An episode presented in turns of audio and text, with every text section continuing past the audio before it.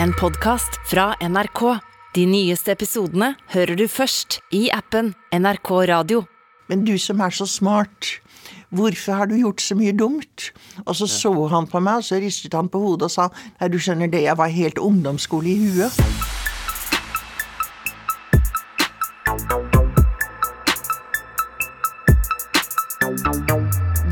Som hører fast på Røverradioen, husker sikkert at vi i fjor slo alarm om uh, forholda i den norske kriminalomsorgen. Da intervjua vi nemlig tre fengselsledere som alle prata om den uheldige utviklinga kriminalomsorgen i Norge har gjennomgått de seineste åra. Velkommen til Røverradioen. Jeg heter Nina, og med meg har jeg Hege? Ja, Hei, hei. Og det er ikke bare fengselsledere og innsatte som er bekymra. I dag så har vi med oss en gjest som har fått flere utmerkelser for sin innsats for, uh, innsats for oss innsatte. Øh, For det er jo bare vi innsatte som egentlig veit åssen det er å sitte i fengsel. Ehm, betjentene kan tro at det maner, øh, og det kan sikkert andre også, men hvis det er en streiting som faktisk veit noe om åssen det er å være innsatt i norsk fengsel, så er det gjesten vi har med oss i dag. Men jeg ser jo at kriminalitet er jo et resultat av en lang, uheldig utvikling. Røverradioens gjest i dag, det er kommandør Randi Rosenquist. Kommandør. Visst er hun det, ja. Hun fikk nemlig Sankt Olavs orden eh, for mange tiårs arbeid bak seg innen kriminalomsorg. Jøss. Og så er hun pensjonert. Hva, hvorfor setter du det i anførselstegn? Nei, for at hun er vel egentlig Ja, hun er egentlig pensjonert, men hun har jobber fortsatt mm, mye, da. Ja. Og jobber for innsattes rettssikkerhet. Denne, og hun brukes også som rettspsykiatrisk sakkyndig. Ja, flere profilerte saker har hun blitt brukt som, og hun brukes fortsatt som. Spennende. Ja, hun fikk jo nemlig i fjor eh, Rettssikkerhetsprisen, til og med. Ja. For sitt arbeid blant innsatte, for å, nei, eller for å forbedre innsattes, innsattes rettigheter, helt enkelt. Men uten videre dikkedarer så setter vi nå over til gutta ved Halden fengsel eh, og hører på intervjuet som ble gjort for en tid tilbake. Med oss i studio i dag har vi seniorrådgiver og psykiater Randi Rosenquist. Velkommen. Tusen takk. Velkommen tilbake. Ja, jeg har vært her før, og det var hyggelig å bli invitert en gang til. Yes. Kan Kan du fortelle litt om din bakgrunn i kriminalomsorgen? Ja, jeg har jo arbeidet i 40 år som psykiater.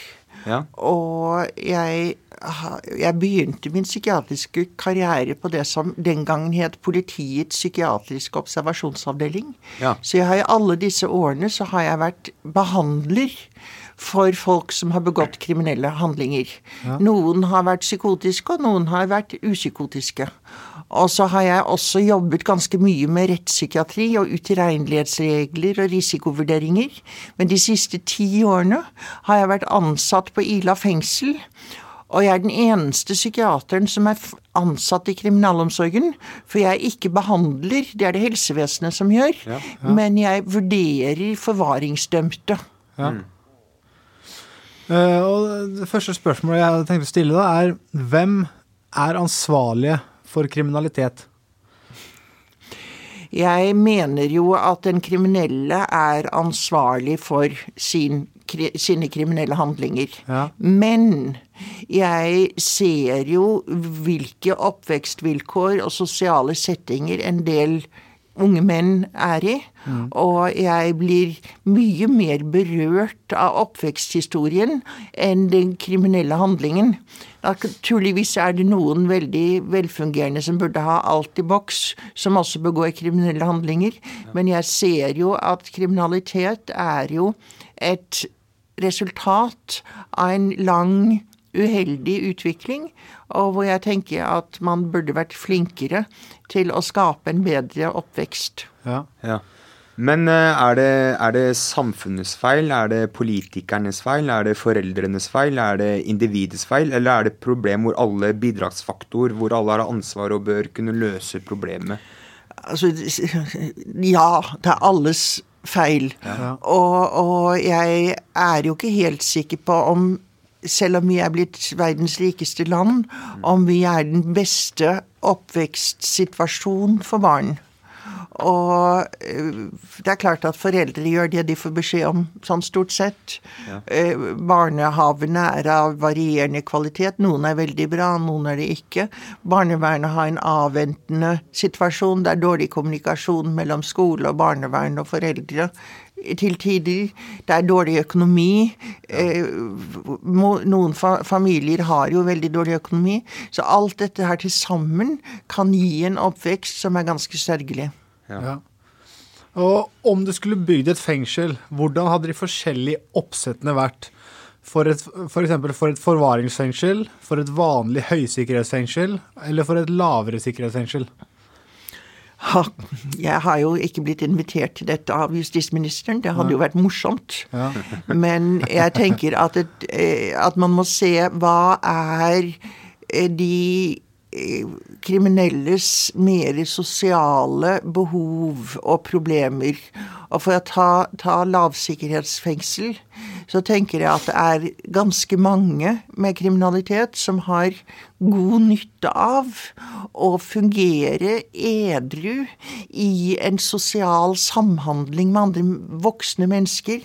Lære seg å stå opp om morgenen og, og stå i jobb og oppleve mestringen av å få til noe. Ja. Slik at jeg tenker at åpne fengsler er veldig bra.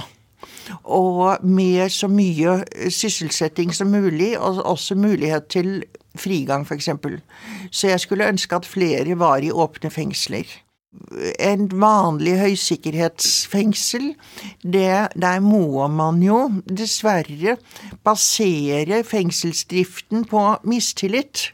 Ja. Fordi at man vet jo at de innsatte vil prøve å lure og jukse. Ja. Mm. Og jeg syns at det er veldig vanskelig å å, ha en personalpolitikk som baserer seg på at vi skal ha tillit til hverandre, og vi skal se hverandre som mennesker, ja. samtidig som vi må ha en profesjonell mistillit. Og det jeg jo også tenker, er at man må kunne altså Nå tenker jeg fra fengselets side. Man må kunne vise fleksibilitet i et system som egentlig er ganske rigid. Ja.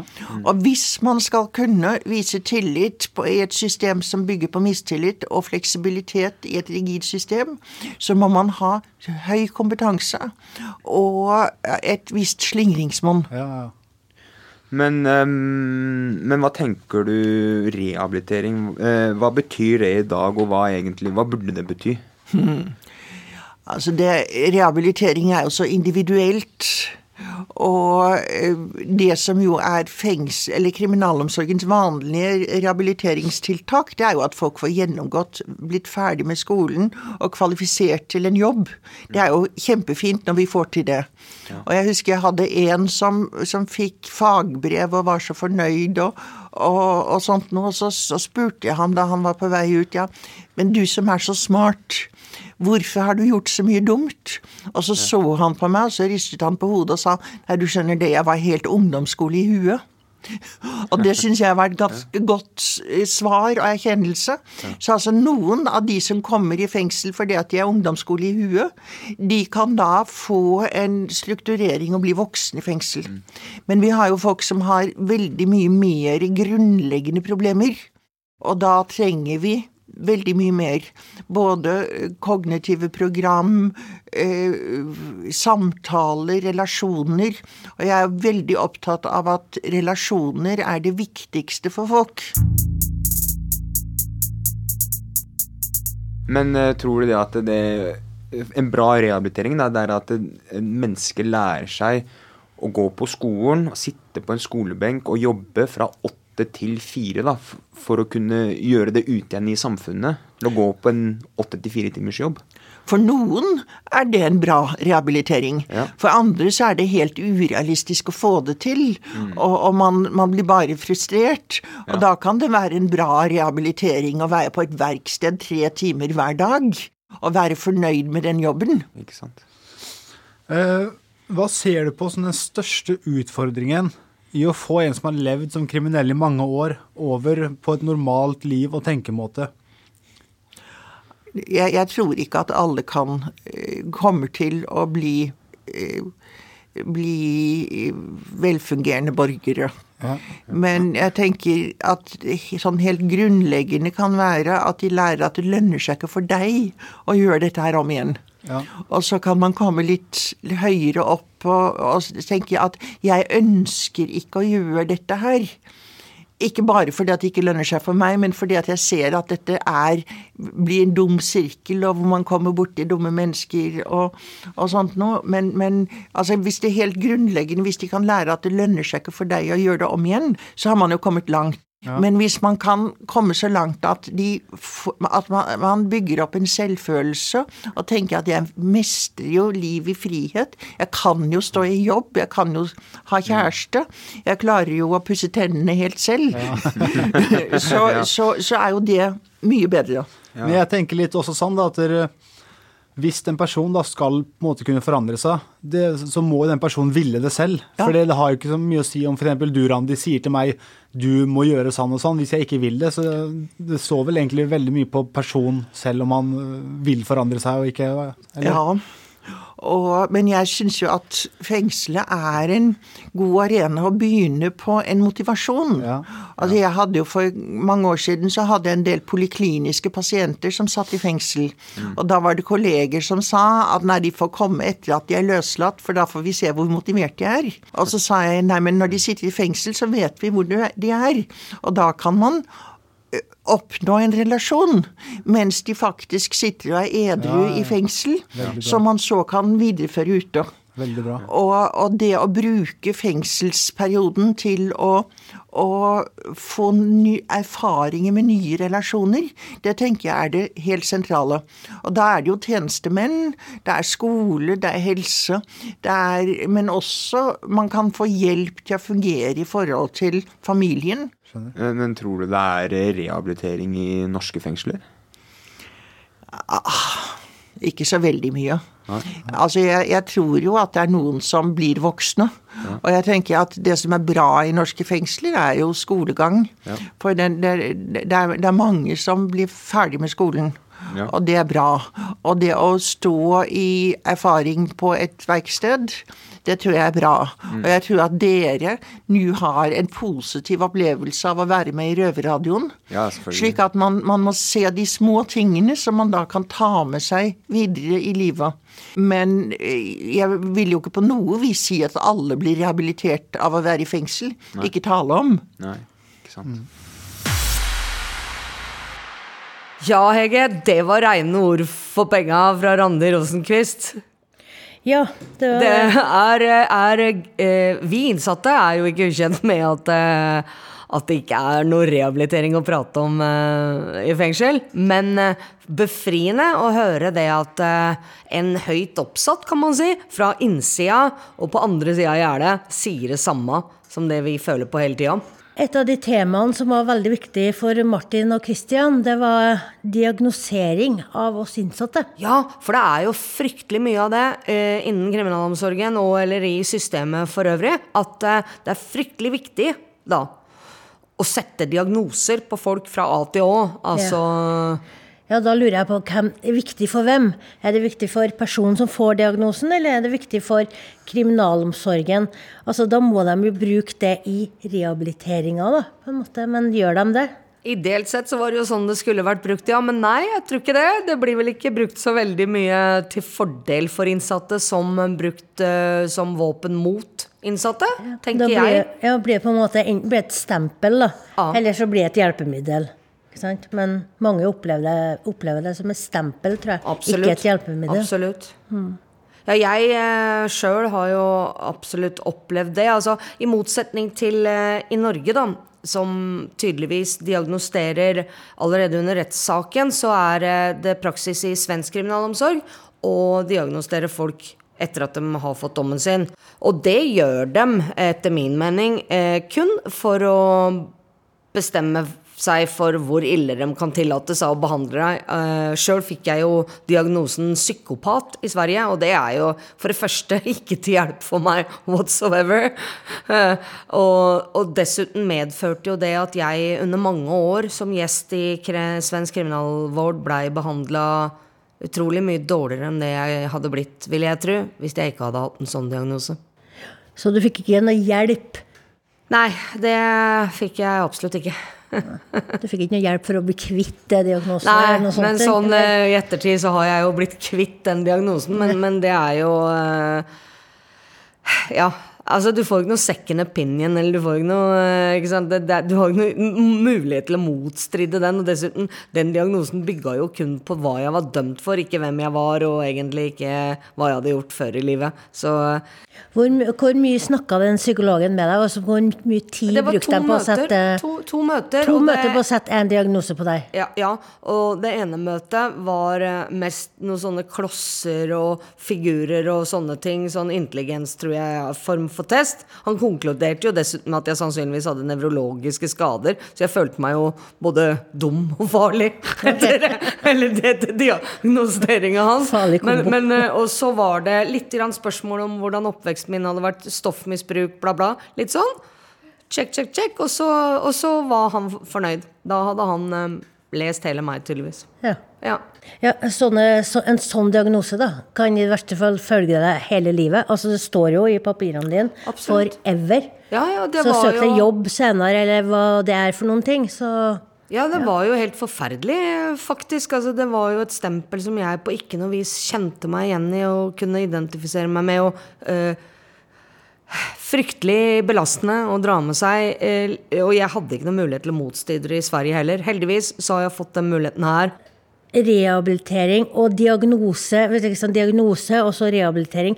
Jeg ser ikke liksom helt en Nei, eh, det ser jeg ingen andre med vett i behold som ser heller, eh, skal du vite. Men, eh, og ikke, som sagt, tror jeg at dette her var for rehabiliteringsøyemed, eller for å hjelpe den diagnosterte.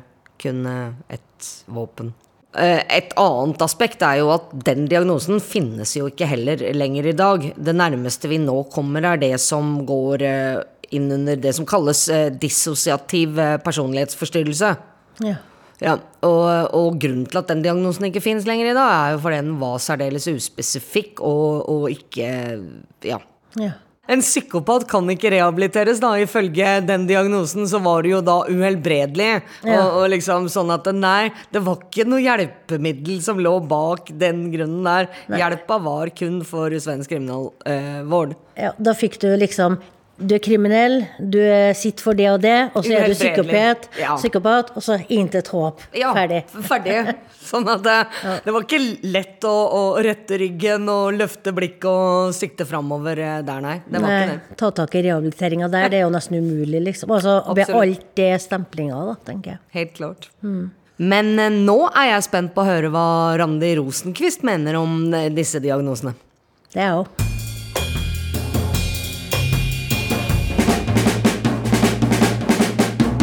Er du enig med at eh, statistikk, statistikken da, om at 70-80 eh, av norske innsatte har en eh, form for personlighetsforstyrrelse. Er du enig i det? Ja, det er riktig, men spørsmålet er hvor mye vekt skal man legge på det? Ja. Og altså, vi har jo alle sammen en personlighet.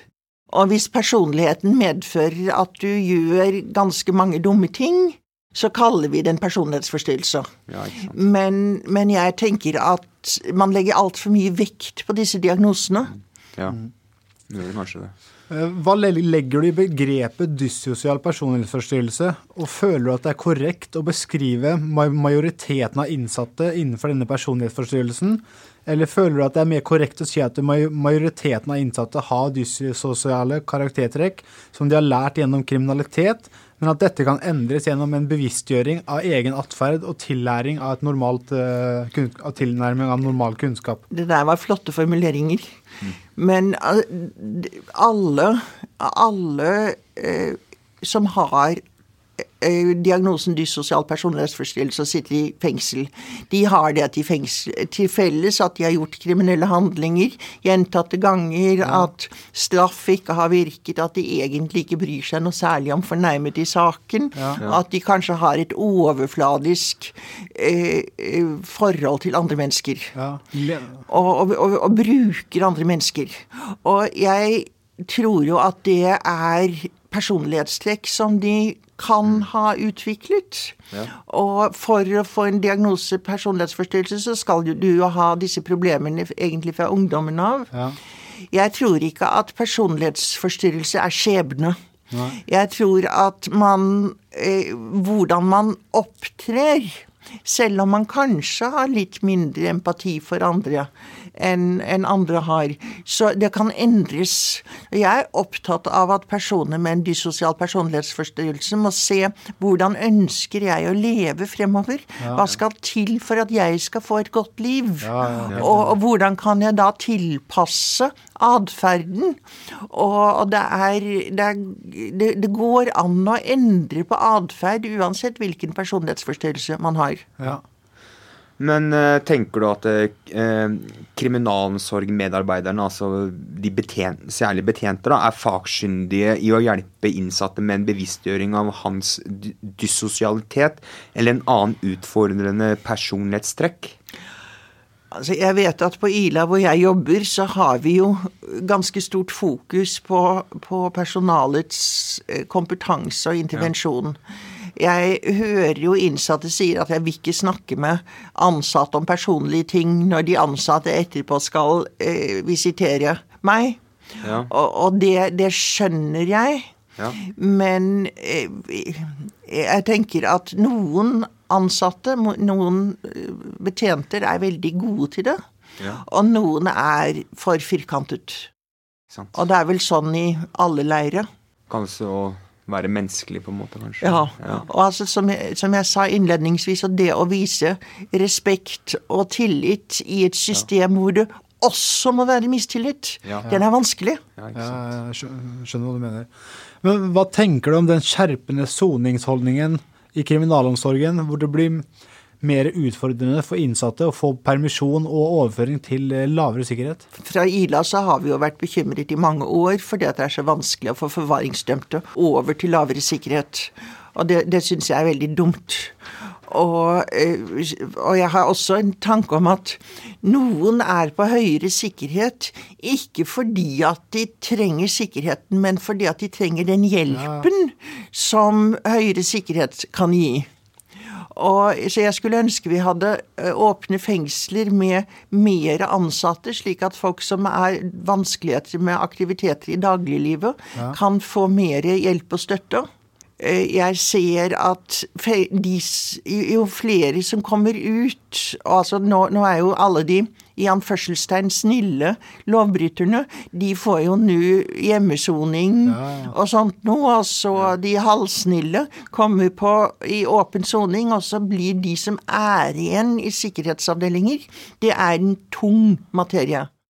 Og jeg skulle ønske at de fikk mer fleksibilitet, at det skulle være mer mulighet til fremstillinger, eh, sosiale aktiviteter, at man skulle klare å normalisere deres tilværelse. Du må kanskje gi folk en sjanse, da. Sånn til å gi en person en sjanse å få eksempel en fremstilling eller en permisjon. Da, og hvis det går gærent den gangen, da har den personen da, da du heller kanskje være litt strengere etter det, men når du ikke får på en måte sjansen da, til å bevise at du, det- du klarer det eller ikke klarer det, så er det litt mm, vanskelig for oss, da. Og det er forskjellen, litt av forskjellen på psykiatri og fengselsvesenet.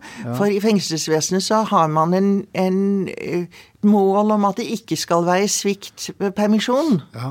Og så tenker jeg at herregud, tenker jeg, hvis det, man har aldri gir permisjon annet enn når man er helt sikker på at det kommer til å gå bra, så er det mange som blir holdt tilbake Ja, uten at det var nødvendig. Og så tenker jeg at hvis noen har permisjon og så kommer tilbake til fengselet en time for sent og har drukket to pils, så går ikke verden under av den grunn. Men man kan bruke det som en læringsarena, for da må man snakke med dem må finne ut hvordan var det. Og det var kanskje ikke så greit som du, du sa det skulle være.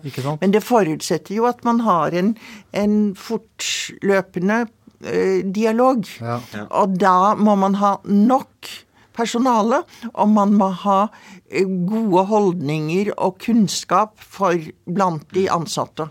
Og naturligvis en vilje for de innsatte til å faktisk å gå i en dialog. Ja, veldig bra sagt. Men eh, om du skulle skapt en ny soningsmodell, hvordan hadde prosessen og soningsforløpet til en innsatte sett ut som da? Altså, jeg ville nok hatt mer permisjoner og fremstillinger. Ja. Og jeg ville hatt et større eh, risiko. Altså, jeg vil jo ikke at noen skal få permisjon, og så i, kaster de seg rundt og voldtar et barn bak nærmeste busk. det, det, det vil jeg jo ikke. Men, men jeg ser at veldig mange av de som sitter i fengsel, trenger mye trening i å være ute uten å flippe ut.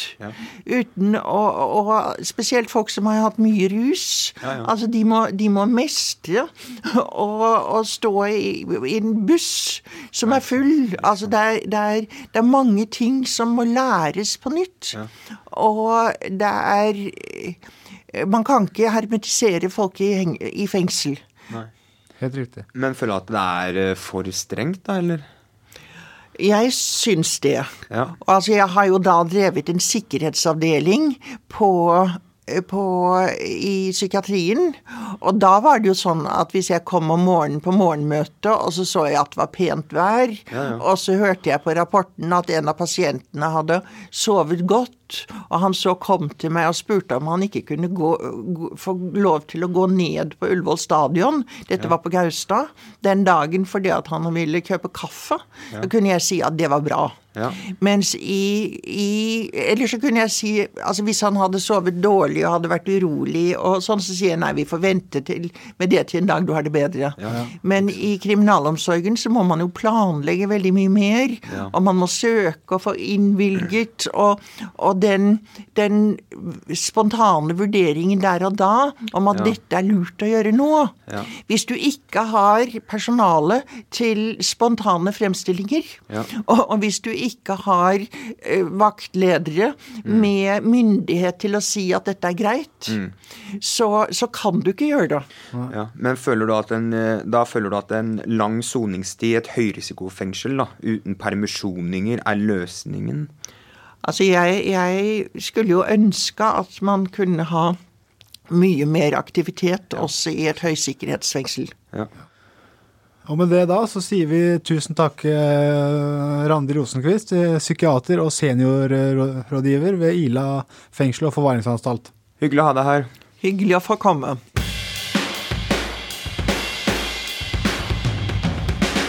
Dette var et eh, bra intervju for eh, oss innsatte å høre, eller hva, Hege? Ja, det trengs en i hennes posisjon for å bli hørt, da.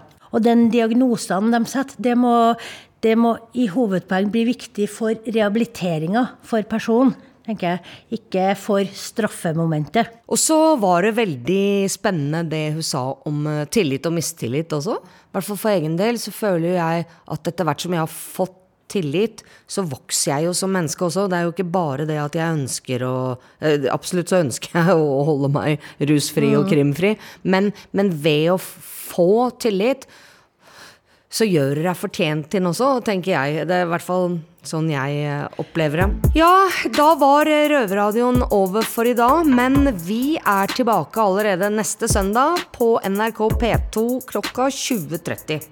Eller på podkast hvor og når du vil. Ja, hvis du ikke sitter inne, da, naturligvis. Da blir det verre. Det gjør det. Hva skal du gjøre på cella etterpå? Eh, jeg vet ikke helt. Jeg skal mm, lage meg litt mat på kjøkkenet, da. Tenkte jeg. Og så skal jeg vel se en serie eller to. Og så skal vi kanskje gjøre det vanlige. Kanskje ta slag kort Ja, eller Å, oh, du er på backgammon i dag, ja. Ja, ja, ok. Jeg er åpen for det meste som er gærent, jeg, vet du, så det er helt i orden. Ja. Men eh, takk for oss. Adios. Ha det. Røverradioen er laga for og av innsatte i norske fengsler. Tilrettelagt for streitinger av Klynge for NRK. Du har hørt en podkast fra NRK. De nyeste episodene hører du først i appen NRK Radio.